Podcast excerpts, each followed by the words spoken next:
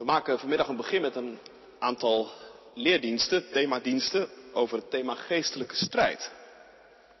Een woord wat misschien bij sommigen van jullie meteen het een en ander wakker roept, bij anderen misschien ook helemaal niet. Dat geeft niet, we gaan samen gewoon rustig aan de slag. En vanmiddag doen we dat door twee Bijbelgedeelten uit het Matthäus-evangelie te openen. Een fragment uit Matthäus 8 en uit Matthäus 17. En een vraag en een antwoord uit de Heidelbergse catechismus. Openen wij het woord van God, Matthäus 8, vanaf vers 28. Toen Jezus aan de overkant in het gebied van de Gadarenen kwam, liepen hem vanuit de grafspelonken twee bezetenen tegemoet. Ze waren zo gevaarlijk dat niemand daar langs durfde te gaan. Ze begonnen te schreeuwen en te roepen, wat hebben we met jou te maken, zoon van God? Ben je hier gekomen om ons pijn te doen, nog voordat de tijd daarvoor is aangebroken? Een eind verderop liep een grote kudde varkens te grazen. En de demonen smeekten hem, als u ons uitdrijft, stuur ons dan naar die kudde varkens. En hij antwoordde hun, eruit. En ze verlieten de twee mannen en trokken in de varkens. Toen stormde de hele kudde van de steile helling af het meer in en de dieren kwamen om in de golven. De varkenshoeders sloegen op de vlucht. En toen ze in de stad kwamen, vertelden ze het overal rond, ook wat er met de bezetenen was gebeurd. Toen trok de hele stad uit, Jezus tegemoet. En toen ze hem gevonden hadden, verzochten ze hem dringend om hun gebied te verlaten. Tot zover de eerste lezing. Tweede lezing uit Matthäus 17. Toen Jezus zich weer bij de mensenmassa voegde, kwam er iemand naar hem toe, die voor hem op zijn knieën viel en zei, Heer, heb medelijden met mijn zoon. Hij is maanziek en lijdt daar erg onder.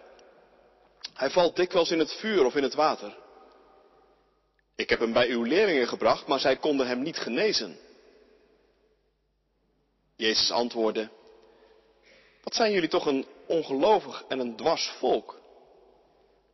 Hoe lang moet ik nog bij jullie blijven? Hoe lang moet ik jullie nog verdragen? Breng hem bij me. Daarop sprak Jezus de demon op strenge toon toe. Deze ging uit de jongen weg en vanaf dat moment was hij genezen. Later kwamen de leerlingen naar Jezus toe. En eenmaal met hem alleen vroegen ze, waarom konden wij deze geest niet uitdrijven?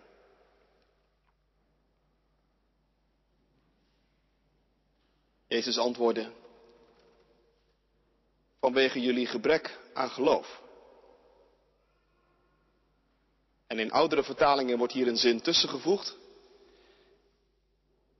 Dit geslacht gaat niet uit dan door vasten en bidden. Ik verzeker jullie, als jullie geloof hebben als een mosterdzaadje, dan zullen jullie tegen die berg zeggen, verplaats je van hier naar daar. En hij zal zich verplaatsen. Niets zal voor jullie onmogelijk zijn. Terwijl ze door Galilea trokken, zei Jezus tegen hen, de mensenzoon zal uitgeleverd worden aan de mensen. Die zullen hem doden. Maar op de derde dag zal hij worden opgewekt. En dit maakte hen zeer bedroefd. Tot zover de tweede lezing. Heidelbergse Catechismus, vraag en antwoord 127. Wat is de zesde bede van het Onze Vader, is de vraag. En het antwoord is, en leid ons niet in verzoeking, maar verlos ons van de boze. Dat betekent, wij zijn zo zwak dat we vanuit onszelf het nooit volhouden. Bovendien houden onze grootste vijanden, de duivel, de wereld en onze zondige aard, niet op om ons aan te vechten. Wilt u ons staande houden en versterken door de kracht van uw Heilige Geest. Zodat we deze geestelijke strijd niet verliezen, maar altijd krachtig verzet bieden. Totdat we uiteindelijk de volledige overwinning behalen. Tot zover. Gemeente van Christus, broeders en zusters hier in de kerk of thuis met ons verbonden. Als het over de duivel gaat, kun je twee ernstige fouten maken. Je kunt denken dat hij niet bestaat. Of je kunt te veel ongezonde belangstelling voor hem koesteren. Beide vergissingen zijn even gevaarlijk. Al dus C.S. Lewis in zijn beroemd geworden boekje Brieven uit de Hel. En dat is een zinnetje dat mij, als het over een thema als geestelijke strijd gaat, toch altijd wel weer even te binnen schiet. Variërend op Lewis zou je kunnen zeggen over geestelijke strijd. Je kunt denken dat het niet bestaat. En je kunt er te veel ongezonde belangstelling voor koesteren. Allebei vergissingen die je beter niet kunt maken. Laten we vanmiddag om te beginnen zo'n begrip als geestelijke strijd eens even wat verder verkennen. Want waar komt zo'n term nou toch eigenlijk vandaan? In de Bijbel zul je hem te vergeefs zoeken. Geestelijke strijd komt als term, als begrip, in ieder geval nergens tegen. Dat wil niet zeggen dat het er nooit over gaat, in tegendeel zou ik zeggen. Maar de term komt niet uit de Bijbel. Is het misschien een moderne uitvinding dan? Nou, dat ook weer niet. De Heidelbergse catechismus bijvoorbeeld, die toch niet van gisteren is, die heeft het er wel over. Bij de uitleg van het zinnetje uit het Onze Vader leidt ons niet in verzoeking, wordt ineens, zo merkte je, over geestelijke strijd gesproken. Een strijd waar wij deel van zouden uitmaken. En waarin het de bedoeling is, zegt de catechismus, dat we niet verliezen, niet onder komen te liggen, maar juist winnen.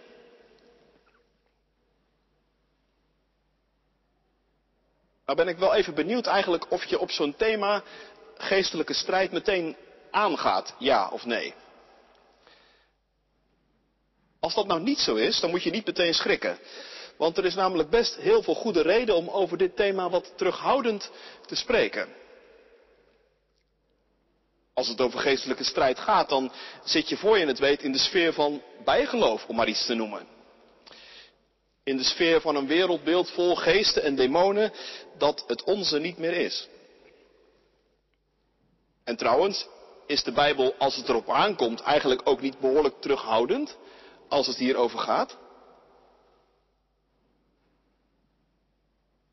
Misschien voel je intuïtief nog wel een ander bezwaar opkomen. En, en erger je je al snel aan het, aan het militante taalveld. Geestelijke strijd. Zijn christenen niet juist geroepen tot vrede stichten? En moet je daarom ook niet in je taal erg oppassen met wat je zegt? En, om nog één bezwaar te noemen, klinkt geestelijke strijd niet soms ook net even wat al te lekker in de oren? Sluit het niet ook iets te naadloos aan bij onze oerbehoeftes aan strijd? In ieder geval voor mannen en krachtmeting. Nou, dat zijn absoluut reële bezwaren en ik denk ook dat je die heel serieus moet nemen. Zet ze gerust neer als een aantal rode vlaggen rond het speelveld. Maar bedenk daarna nog één keer de goede raad van Lewis. Dat er twee vergissingen mogelijk zijn die je beter allebei niet kunt maken. Er zijn namelijk ook goede redenen om het wel over geestelijke strijd te hebben. Dat wereldbeeld van ons, waar het net over ging, waarin juist onder christelijke invloed ook een heleboel bijgeloof uit is weggesaneerd, dat heeft misschien toch in de loop van de eeuwen al met al een iets te smal kijkvenster gekregen. En al die keurige scheidingen, die hebben wij geleerd te maken tussen natuurlijk en bovennatuurlijk, tussen geloof en bijgeloof, tussen materie en geest, tussen wetenschappelijk en niet wetenschappelijk.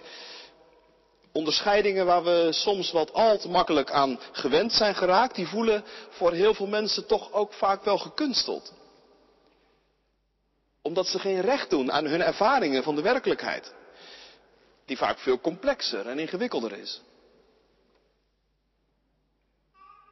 Er lijken ook gebieden te zijn waar onze gewoonlijke manieren van kijken en ingrijpen tekortschieten.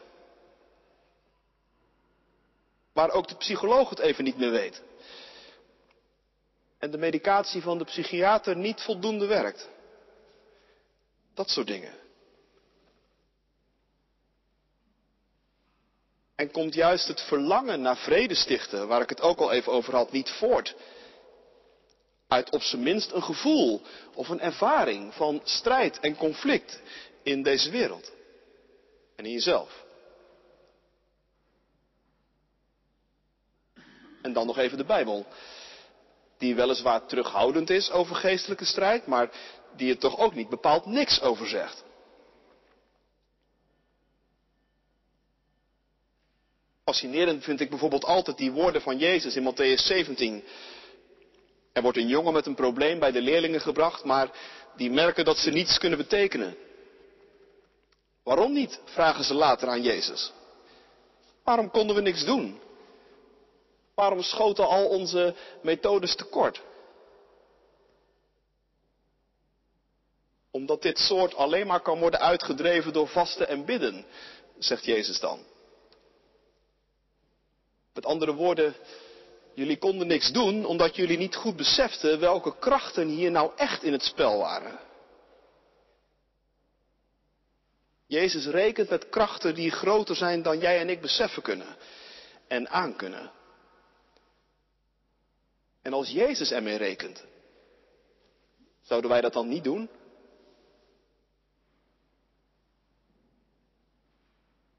Kortom, dit zo allemaal een beetje afwegend geloof ik dat het toch echt belangrijk is om van tijd tot tijd over dit thema met elkaar te spreken. Op een behoedzame, nuchtere, maar toch zeker ook niet naïeve manier. Als je vanmorgen in de kerk was, begrijp je wat ik bedoel. En wat mij betreft doet de catechismus daar een hele goede poging toe eigenlijk. Want als het over geestelijke strijd gaat in de catechismus en de partijen in die strijd die worden benoemd, dan valt bijvoorbeeld op dat er onderscheid wordt gemaakt. Er is niet één, zegt de catechismus, maar er zijn drie vijanden. De duivel, de wereld en, last but not least, wijzelf in de praktijk misschien niet altijd zo gemakkelijk te onderscheiden, maar toch belangrijk genoeg om ze even apart zo naast elkaar te zetten. Want dat helpt om in ieder geval een aantal dingen duidelijk te maken.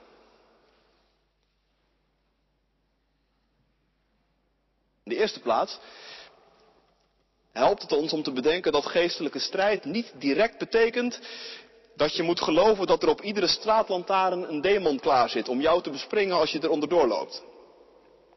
Dan zitten we inderdaad al snel in de sfeer van het bijgeloof. En op dat punt bestaat ook een heleboel modern christelijk bijgeloof.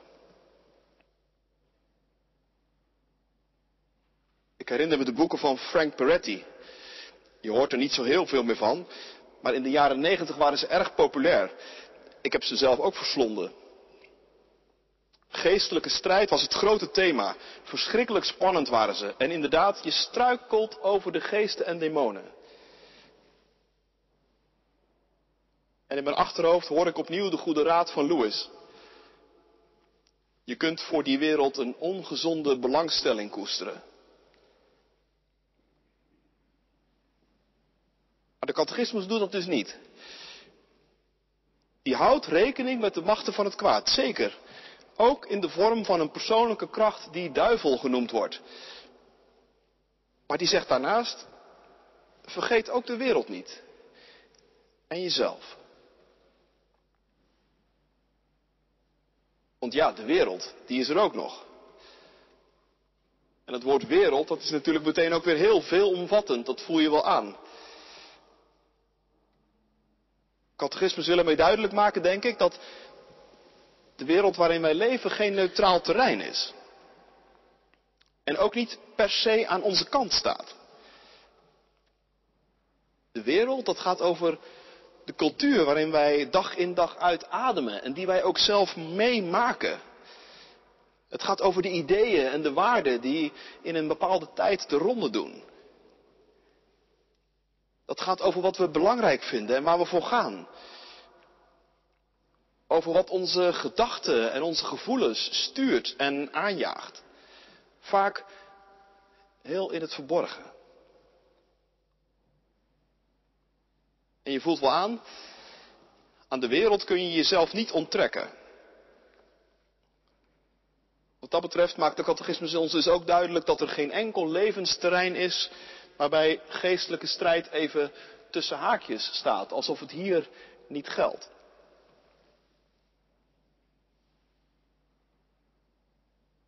Derde wat de catechismus benadrukt, dat je er zelf ook nog bent. Soms, en dat is toch ook een heel diep inzicht, ben je als mens je eigen grootste vijand. En dan heeft het geen zin om een ander de schuld te geven. Je verschuilen achter de wereld of achter de ander of achter de duivel zelfs, daar moet je ook heel voorzichtig mee zijn. En tegelijk zijn er dus wel. Niet al jouw innerlijke strijd is in jouzelf op te lossen met behulp van zelfhulpboeken, YouTube-filmpjes of andere hulp, hulpmiddelen. Nou ja, je voelt wel aan, het is een soort delicate balans die de catechismus hier opmaakt. Realistisch ook wel en evenwichtig. Er bestaat absoluut zoiets als geestelijke strijd. Maar die is niet altijd en overal hetzelfde.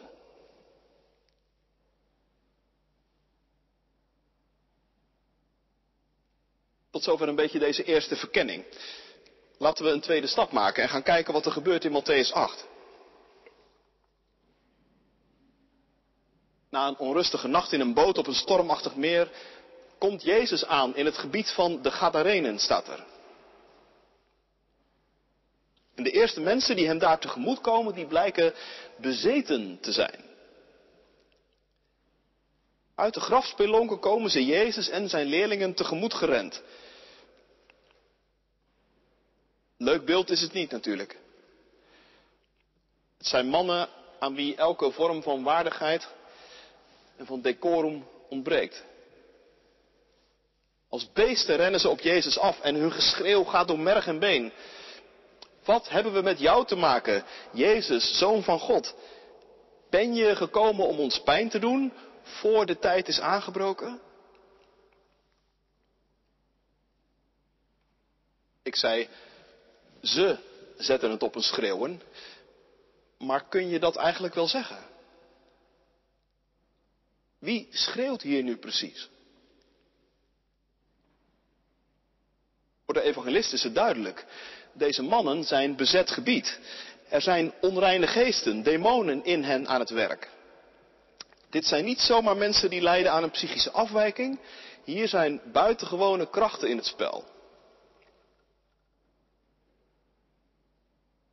En wat nu in de evangelie voortdurend opvalt, dit soort bovenmenselijke, demonische krachten, die komen juist aan de oppervlakte waar Jezus dichtbij is.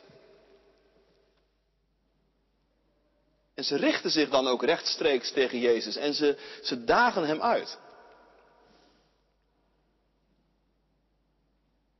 In het Marcus-evangelie, waarin dit gebeuren wat uitgebreider nog wordt beschreven, daar heeft de bezetene, bij Marcus is het er maar eentje, een naam. Legio. Maar dat is helemaal geen naam. Dat is een onnaam. Die alleen maar iets zegt over zijn beklagenswaardige toestand. Legio, legioen. Dat was bij de Romeinen een groep van heel wat soldaten. Ik geloof vier tot zesduizend.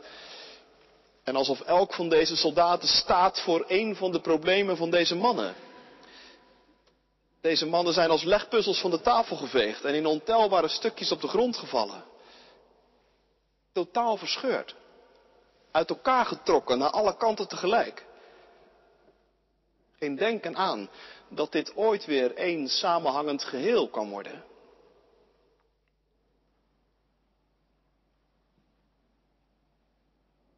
Maar daar denkt Jezus dus anders over. Jezus gaat voor geen macht opzij. Eén woord is voor hem al genoeg. Eruit, zegt hij. En het gebeurt. Geesten moeten het veld ruimen. Ze sputteren nog wel een beetje tegen, maar de beslissende slag is toch al geslagen. Stuur ons naar die varkens daar, is hun voorstel.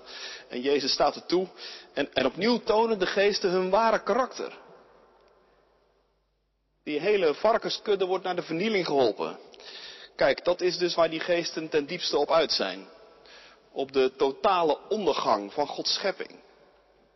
Mens of dier, het maakt ze niet uit. Meegesleurd moeten ze worden naar de afgrond.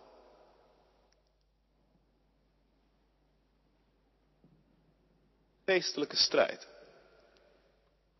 Hier in een rechtstreekse confrontatie tussen Jezus en het kwaad in eigen persoon.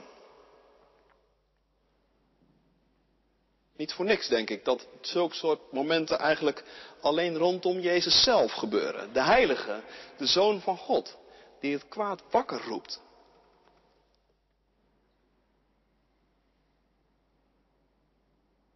Ik ken wel verhalen van mensen die vergelijkbare dingen hebben meegemaakt. Maar de meeste geestelijke strijd, die speelt zich denk ik toch op een iets wat ander gebied af. Een afgeleid gebied zou je kunnen zeggen. Het hangt ermee samen, maar het manifesteert zich anders. Kijk maar wat er gebeurt. In het verhaal van Matthäus 8 zijn er mensen die het nieuws over die uitgeworpen demonen ter oren komt. Eerst die varkensherders natuurlijk, maar later zegt Matthäus de hele stad. En massaal komen de mensen Jezus tegemoet. Niet om hem binnen te halen als hun redder en als hun weldoener en hem te bedanken. Nee, om hem, om hem te vragen weg te gaan. Wilt u alstublieft niet bij ons weggaan, vragen ze. En vragen, dat is eigenlijk nog een beetje zacht uitgedrukt. Smeken doen ze. Jezus, alstublieft. Please, kunt u niet weggaan? Je zou zeggen, wat een bizarre vraag. Jezus heeft zojuist een levensgevaarlijk probleem in hun midden opgelost. Een situatie waar iedereen ongetwijfeld over met de handen in het haar zat. Kan er dan op zijn minst niet een dankjewel vanaf? Nee, schijnbaar niet. En hoe langer ik erover nadenk, hoe beter ik het denk ik begrijp. Want Jezus heeft niet alleen een probleem opgelost, hij heeft ook een nieuw probleem veroorzaakt. Die varkens, weet je wel? Die varkens. Dat was hun broodwinning. It's the economy, stupid. Dat is wat hier gebeurt. En Jezus heeft nog meer gedaan. Hij heeft ook het evenwicht in deze dorpssamenleving verstoord. Opnieuw de wat uitgebreidere versie van Marcus vertelt ons dat de bezetene aan het eind van het verhaal wel bij zijn verstand aan de voeten van Jezus zat. Nou, dat waren deze mensen natuurlijk helemaal niet gewend. Zij waren gewend aan bezetenen die op veilige afstand van hen in de graven woonden. Misschien geen ideale situatie, maar hanteerbaar in ieder geval. Een situatie waarmee je, nou ja, waarmee je kon leven, om het even zo te zeggen. En zo'n situatie waarbij zeer beschadigde mensen toch op een veilige afstand zitten. In een broos evenwicht misschien, maar toch. Dat kan ook iets aantrekkelijks hebben. Ik bedoel dit. Als de afstand tussen jou en mij en totaal ontspoorde zielen maar groot genoeg is, dan kan dat er ook voor zorgen dat je niet erg gemakkelijk bij jezelf naar binnen gaat kijken. Zolang er immers nog types zijn die er overduidelijk veel ernstiger aan toe zijn dan jij en ik, dan kunnen we nog wel blijven denken dat het met ons wel meevalt.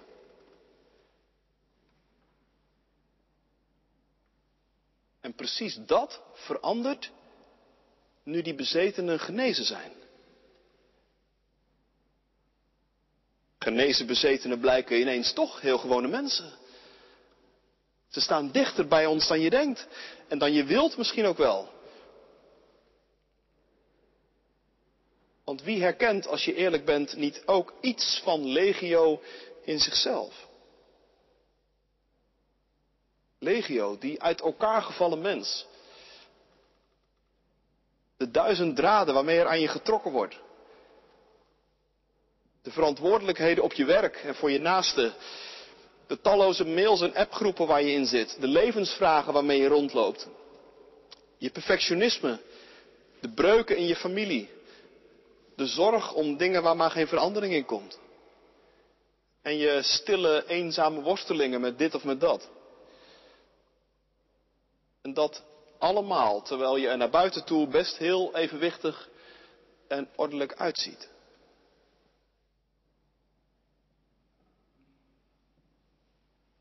Geestelijke strijd. Op het niveau van de wereld. En jezelf dus. Soms wil je het zien. En denk je in een helder moment, dit moet anders. Ik wil verandering. Ik wil genezing. Ik wil bevrijding. Ik weet dat de manier waarop we in het Westen onze economie inrichten niet houdbaar is. Er moet echt veel anders. Maar als ik eraan begin, dan voel ik ook overal de weerstand. In mezelf en om me heen. En op het niveau van mijn eigen leven, ik weet dat ik veel complexer in elkaar zit en vaak wil toegeven dan ik vaak wil toegeven.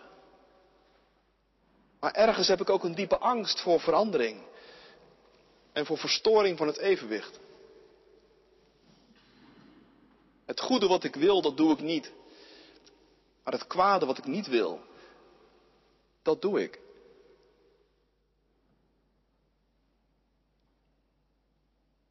Dat is denk ik geestelijke strijd.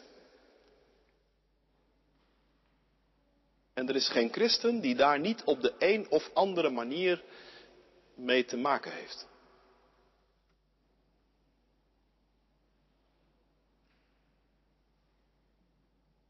Maar dat is toch niet het laatste wat ik zeggen wil vanmiddag.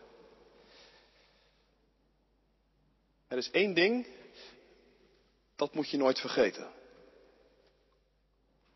En dat is dat je in je geestelijke strijd, op welk niveau dan ook, nooit alleen bent. Jezus is erbij. Wat doet hij dan? Hij gaat de confrontatie aan met de boze, rechtstreeks. En Goede Vrijdag en Pasen vertellen ons dat het eindspel is ingezet en dat de beslissende slag al gewonnen is.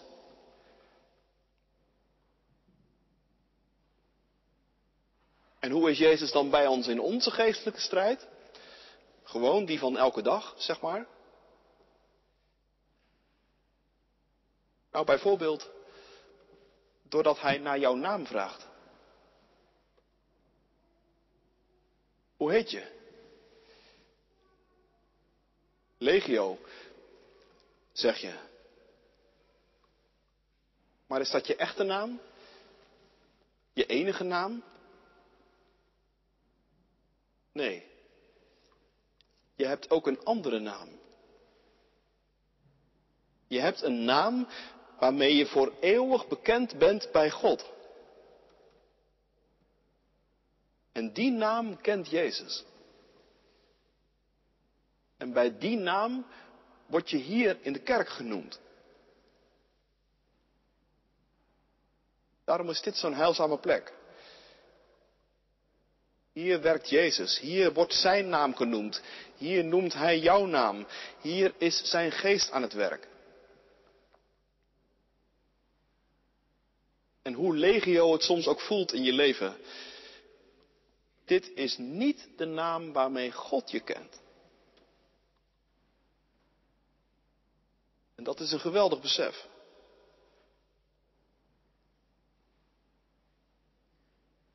De dichter Gerrit Achterberg, die ook wel iets wist van geestelijke strijd, die zei het ooit zo.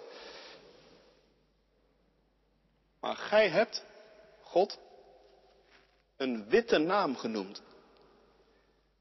Met die van mij. Nu is het stil geworden. Zoals een zomer rond de dorpen bloeit.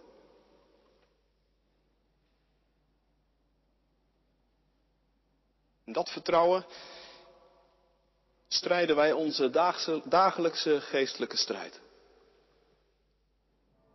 Totdat we op Gods tijd de eeuwigheid binnenstruikelen.